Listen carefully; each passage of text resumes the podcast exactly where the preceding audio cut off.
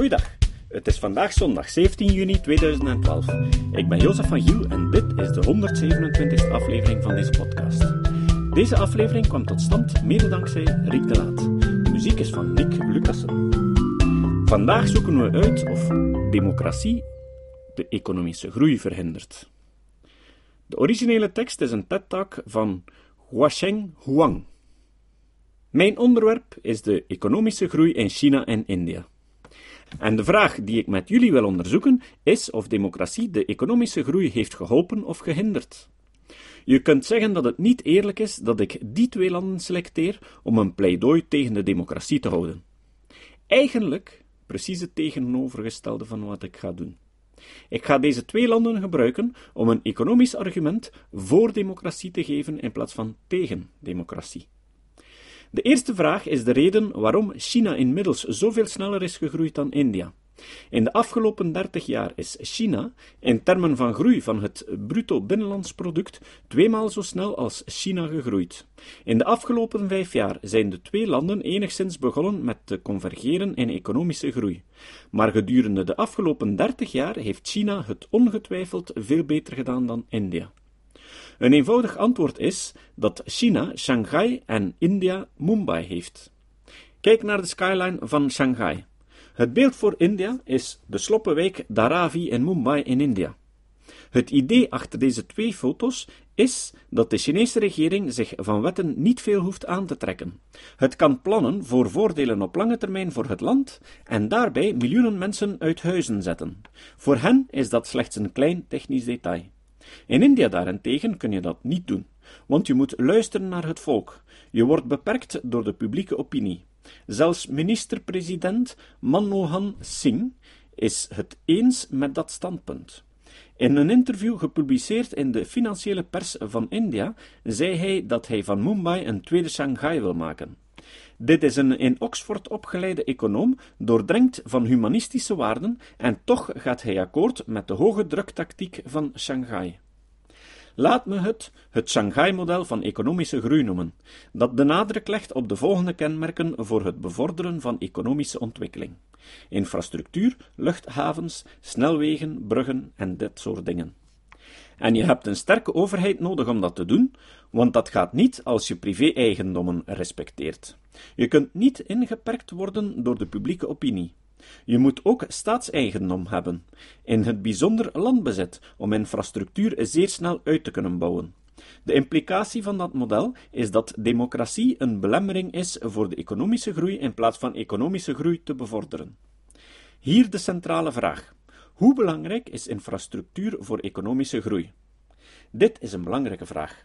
Als je van mening bent dat infrastructuur erg belangrijk is voor de economische groei, dan zal je zeggen dat een sterke overheid nodig is om de groei te bevorderen. Als je van mening bent dat infrastructuur niet zo belangrijk is als veel mensen denken, dan zul je minder de nadruk leggen op de sterke overheid. Ik wil die vraag illustreren aan de hand van twee landen. En voor het gemak noem ik een land land 1 en de andere land 2. Land 1 heeft een systematisch voordeel in infrastructuur ten opzichte van land 2. Land 1 heeft meer telefoons en land 1 heeft een uitgebreider spoorwegennet.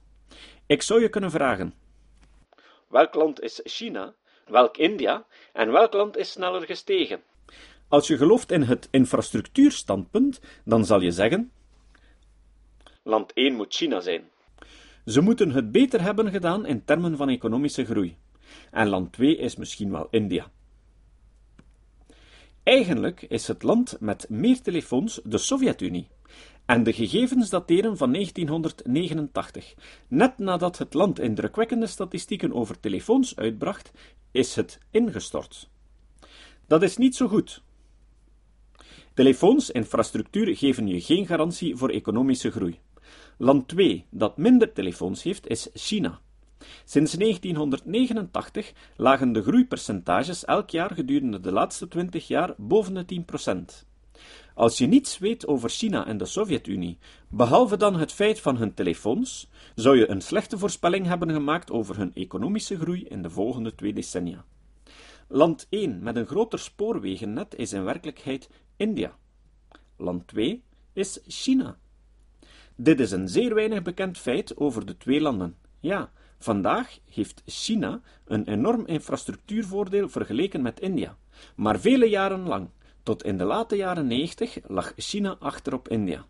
In ontwikkelingslanden is de meest voorkomende vorm van vervoer het spoorwegennet, en de Britten bouwden veel spoorwegen in India. India is het kleinste van de twee landen en toch had het een uitgebreider spoorwegennet tot de late jaren 90. Het is duidelijk dat infrastructuur niet verklaart waarom China het beter deed in de late jaren 90 in vergelijking met India. In feite, als je over de hele wereld zoekt naar bewijs, dan is er meer bewijs voor het standpunt dat de infrastructuur in feite een gevolg is van de economische groei. De economie groeit, de overheid verkrijgt meer middelen en kan dan investeren in infrastructuur, in plaats van dat de infrastructuur de oorzaak is van de economische groei. Dit is duidelijk het verhaal van de Chinese economische groei. Laat me deze kwestie eens van dichtbij bekijken. Is democratie slechts voor de economische groei? Laten we weer eens naar twee landen kijken, land A en land B. Land A had in 1990 ongeveer 300 dollar bruto binnenlands product per inwoner. Land B had 460 dollar bruto binnenlands product per inwoner. In 2008 is land A land B voorbijgestoken met 700 dollar bruto binnenlands product per inwoner tegenover 650 dollar bruto binnenlands product per inwoner. Beide landen liggen in Azië. Als ik nu zou vragen: welke zijn deze twee Aziatische landen? En welke is een democratie? Zou je misschien zeggen: nu ja, misschien is land A China en land B India. In feite is land A democratisch India en land B Pakistan. Een land dat een lange periode van militair bewind heeft gekend. En het is heel normaal dat we India en China vergelijken, omdat beide landen ongeveer dezelfde grootte van populatie hebben. Maar de meer voor de hand liggende vergelijking is eigenlijk die tussen India en Pakistan. Deze twee landen zijn geografisch vergelijkbaar. Ze hebben een ingewikkelde, maar gedeelde gemeenschappelijke geschiedenis. In die vergelijking doet democratie het heel, heel goed in termen van economische groei. Waarom vallen economen dan zo voor autoritaire regeringen? Een van de redenen is het Oost-Aziatische model. In Oost-Azië zagen we succesvolle landen van economische groei, zoals Korea, Taiwan, Hongkong en Singapore. Sommige van deze economieën werden bestuurd door autoritaire regeringen in de jaren 60, 70 en 80. Het probleem met dat standpunt is net als aan alle winnaars van loterijen vragen: Heb je de loterij gewonnen? En dan vertellen ze je: Ja, we hebben de loterij gewonnen.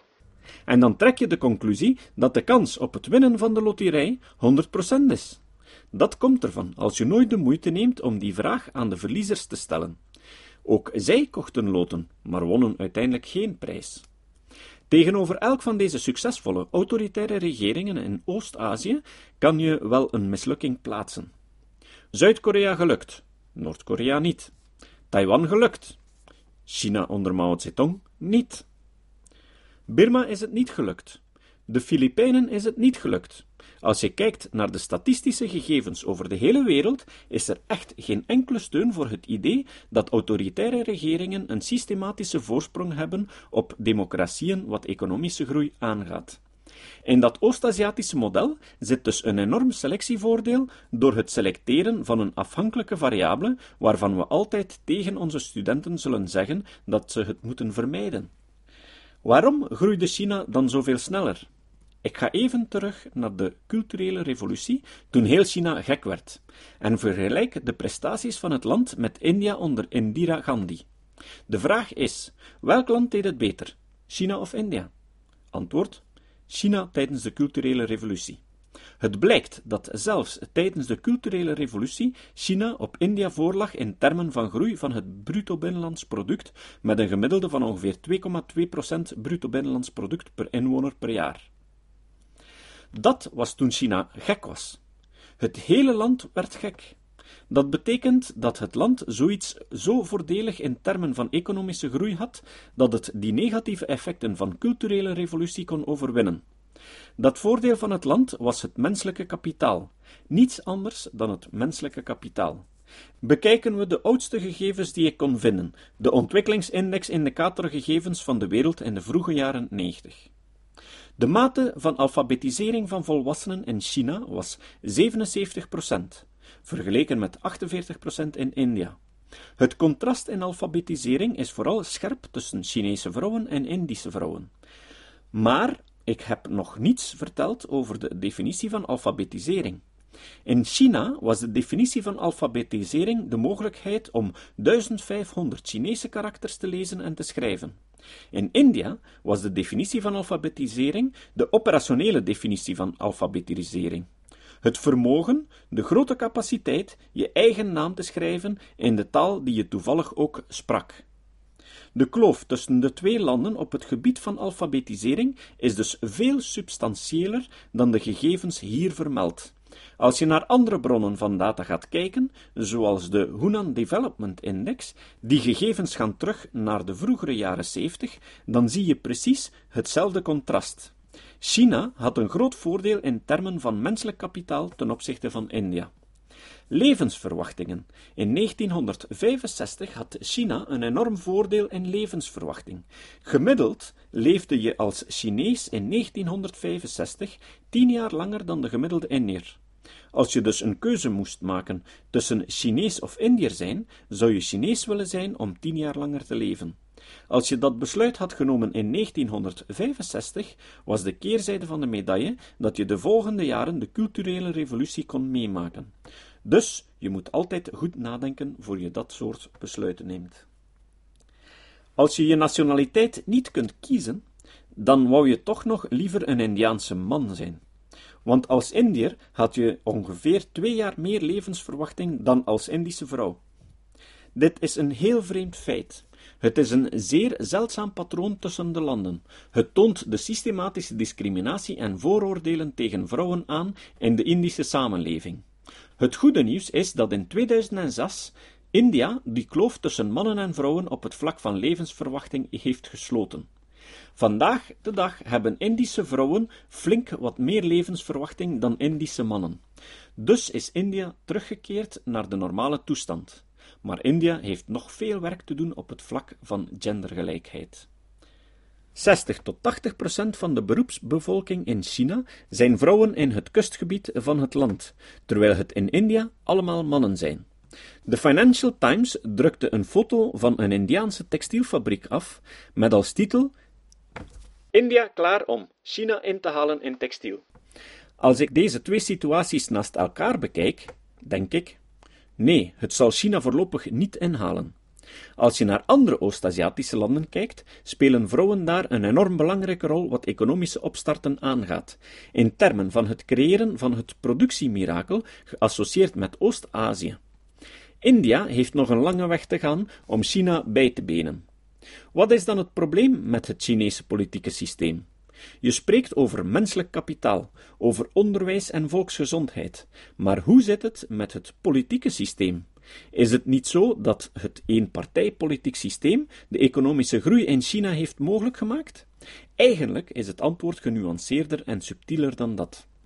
Het hangt af van een onderscheid dat je maakt tussen de statica van het politieke systeem en de dynamica van het politieke systeem. Statisch is India een eenpartijsysteem en autoritair. Daar bestaat geen twijfel over. Dynamisch is het in de loop van de tijd veranderd naar minder autoritair en meer democratisch. Wanneer je verandering wil uitleggen, bijvoorbeeld economische groei, economische groei gaat over verandering, wanneer je dat wil uitleggen, moet je gebruik maken van andere dingen die veranderen om verandering uit te leggen, in plaats van met wat constant bleef. Soms kan een vast effect verandering verklaren, maar een vast effect verklaart alleen wijzigingen in interactie met de dingen die veranderen. Wat betreft politieke veranderingen hebben ze dorpsverkiezingen ingevoerd. Ze hebben eigenaars meer zekerheid gegeven en ze hebben de zekerheid verhoogd met pachtovereenkomsten op lange termijn. Er zijn ook financiële hervormingen op het platteland van China. Er is ook een landelijke revolutie in China op gebied van ondernemen. Voor mij is het tempo van de politieke verandering te traag, te geleidelijk. Mijn mening is dat het land een aantal belangrijke uitdagingen kan tegemoet zien, omdat de politieke hervormingen niet verder en sneller gingen. Maar toch is het systeem geëvolueerd naar een meer liberale richting, naar een meer democratische richting. Je kunt exact hetzelfde dynamische perspectief op India toepassen. Toen India groeide met een Hindu-tempo van groei, ongeveer 1 à 2 procent per jaar, was India het minst democratisch. Indira Gandhi riep in 1975 de noodtoestand uit. De Indische regering bezat en beheerde alle tv-stations. Een weinig bekend feit over India in de jaren 90 is dat het land niet alleen economische hervormingen heeft doorgevoerd, maar ook politieke hervormingen door de invoering van zelfbestuur in de dorpen, privatisering van de media en door meer vrijheid van informatie. Dus het dynamisch perspectief is zowel op China als op India van toepassing in termen van de richting die ze uitgaan. Waarom denken veel mensen dan dat India nog steeds een ramp is wat groei aangaat? Een reden is dat ze India altijd vergelijken met China. Maar China is een superster in termen van economische groei. Als je een NBA-speler bent en je wordt altijd vergeleken met Michael Jordan, ga je niet zo indrukwekkend lijken. Maar dat betekent niet dat je een slechte basketbalspeler bent. Vergelijken met een superster is een verkeerde aanpak. Als je in feite India vergelijkt met een doorsnee ontwikkelingsland, zelfs voor de meer recente periode van versnelling van de Indische groei, India groeit nu met 8 à 9 procent. Nog voor deze periode stond China op de vierde plaats in termen van economische groei onder de opkomende economieën. Dat is inderdaad een zeer indrukwekkende staat van dienst. Laten we eens nadenken over de toekomst. De draak ten opzichte van de olifant. In welk land zit er het meeste vaart in de groei? China heeft, geloof ik, nog steeds enkele uitstekende fundamenten, vooral het sociale kapitaal, de volksgezondheid, het gevoel van gelijkheid dat je niet vindt in India. Maar ik geloof dat India de vaart heeft. Het heeft de beste troeven voor verbetering. De overheid heeft geïnvesteerd in basisonderwijs en basisgezondheidszorg. Ik denk dat de overheid meer moet doen, maar toch, de richting waarin ze bewegen is de juiste richting. India heeft de juiste institutionele voorwaarden voor economische groei, overwegende dat China nog steeds worstelt met politieke hervormingen. Ik geloof dat politieke hervormingen een must zijn voor China om haar groei aan te houden. Politieke hervormingen zijn heel belangrijk om de voordelen van economische groei op grote schaal te delen. Ik weet niet of dat wel of niet zal gebeuren, maar ik ben een optimist. Hopelijk kan ik vijf jaar na nu bij TED Global vertellen dat politieke hervormingen te gebeuren staan in China. Heel hartelijk bedankt.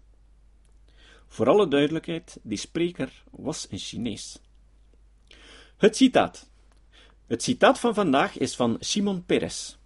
Iedereen weet natuurlijk dat Shimon Peres een gewezen Israëlisch president is dat in 1994 samen met Yitzhak Rabin en Yasser Arafat de Nobelprijs voor de Vrede kreeg. Rabin werd trouwens in 1995 door een extremistische Jood neergeschoten. Misschien brengt dit citaat daar een zekere helderheid over. Peres zei: Met religieuzen is het bijna onmogelijk te onderhandelen. Ze denken dat ze de opperste toelating hebben om mensen te vermoorden en ten oorlog te trekken. Tot de volgende keer. Dit was de podcast Kritisch Denken. Vergeet niet om alles kritisch te behandelen, ook deze podcast. Voor verdere informatie over deze podcast, links en voor de tekst, surf naar www.kritischdenken.info. Als je deze podcast belangrijk vindt, kun je me steunen door anderen warm te maken ook eens te luisteren. Stuur een e-mail naar vrienden met een link naar de website en plaats de link in de handtekening van je e-mails. Tevens kun je op iTunes deze podcast een beoordeling geven of een recensie schrijven. Of je kan op je eigen website of blog een link naar kritisch denken plaatsen.